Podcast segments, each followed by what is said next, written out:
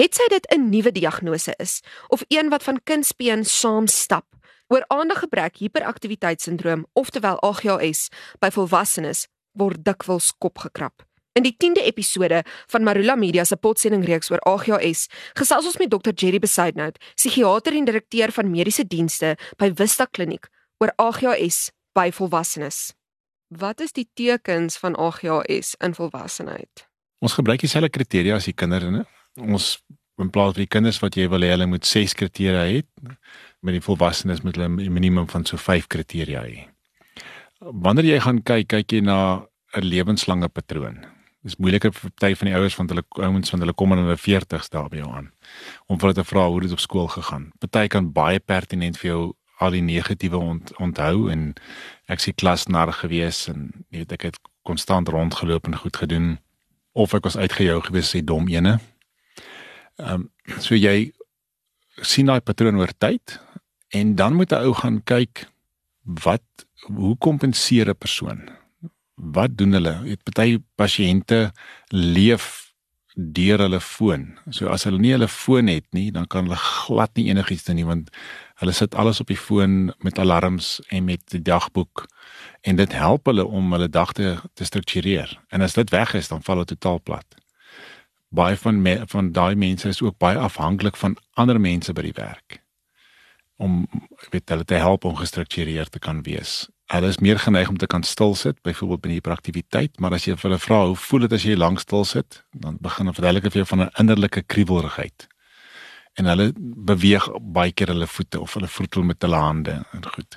Party van het geleer om te doodle, daai 'n teken sodat dit dit help hulle om daai energie van ontslae te raak. En jy weet daai eksterne stimulasie wat hulle aftrek, mense gaan baie keer sê weet ek uh, weet as ek in 'n oop plan kantoor sit, kan ek glad nie funksioneer nie. Ek moet oorfone opsit. En hulle weet gewoonlik wat met almal rondom hulle aan die gang is. Een pasiënt my verduidelik na kom op die medikasie gesit het, sê vir die eerste keer in le sy lewe doen hy net sy werk. So ja, dit is bietjie anderste ou met baie keer meer krap.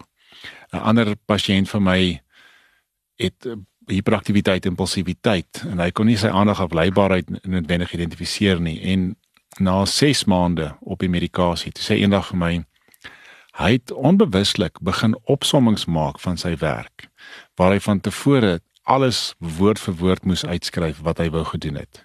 En dit is waar die medikasie gehelp het. En toe hy nou vir 'n week lank weg is, sy medikasie by die huis vergeet. Toe kon hy glad nie op die opsommings werk nie. Toe kom hy eers agter daai kompensasie. Want volwassenes se rotines en gedrag is meer vasgestel. Dit is moeiliker vir ons om dit te kan sien. So ou krap bietjie meer met volwassenes. Wat moet jy doen wanneer jy vermoed dat jy dit dalk het?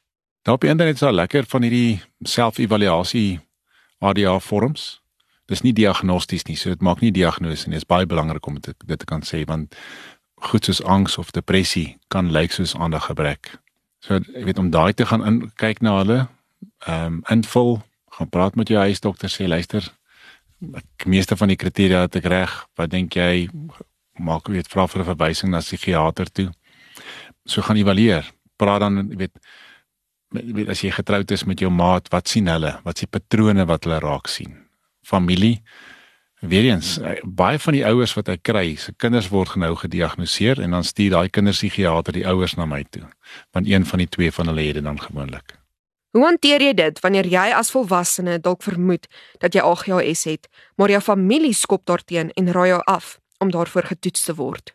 Ons hou daarvan om normaal te wees. Ons hou van van stelsels wat stabiel is. So sodra iemand binne 'n familie kom en iets wil verander, jy weet, het sy hulle self verander dan bedreig dit die res van die stelsel. En ook as jy byvoorbeeld as jy 'n volwassene is en jy gaan na jou ouers toe en jy vra oor hierdie ding, outomaties is daar skuldgevoelens, het ons nou iets gemis. Jy weet, ons nou fout gemaak en dis hoe mense kry. So om te verstaan jy gaan weerstand kry. Jy weet en en moenie beklei daarteen nie bly by die punt van okay maar help my om te kan kyk na hierdie goeders want iets pla my. Iets pas nie lekker in nie. Ehm um, en ek wil verstaan want ek weet kan dalk hulp kry daarvoor. So wegweens vat die blame moenie blameerend gaan nie. Gaan probeer kry daai samewerking te kry met die familie. Hoe lyk medikasie in volwassenheid? Is daar 'n tyd in mense lewe waar jy dit nie meer nodig het nie?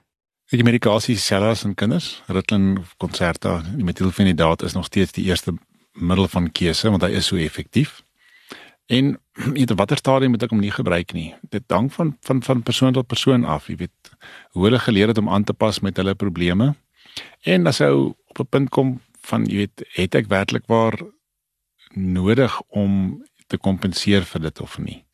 Jy weet wat wat se wat se waarde kry ek uit die medikasie uit teenoor die die moeilikheid en die finansiële implikasies van die medikasie. So dis 'n baie individuele besluit wat hy moet maak. Maar daar's nie 'n afsnypunt spesifiek van nou moet jy ophou nie. Interessant genoeg, ons het toe ek nog medies geswat het, was die die die dominante gedagte geweest dat kinders onder 18 kan nie depressie ontwikkel nie en op die ouderdom van 18 is weet jy um, AGHS is dan weg, jy weet so jy skryf nie Ritalin voor na daai ouderdom nie. So dit was nogal baie interessant geweest. So dit het nogal baie blokke gesit op behandeling onder toe en boontoe. Maar dit is nou redelik uit die pad uit. En dis hoekom ons soveel mense kry van hulle 40s en 50s wat dit wel as 'n kind behandel was, maar dit opgehou het toe hulle 18 geword het as gevolg van daai denkprosesse in die medies. Skakel volgende week in vir die volgende episode van Marula Media se potsending reeks oor AGHS. In die episode gesels ons met dokter Besaidnout oor AGHS en verslawing.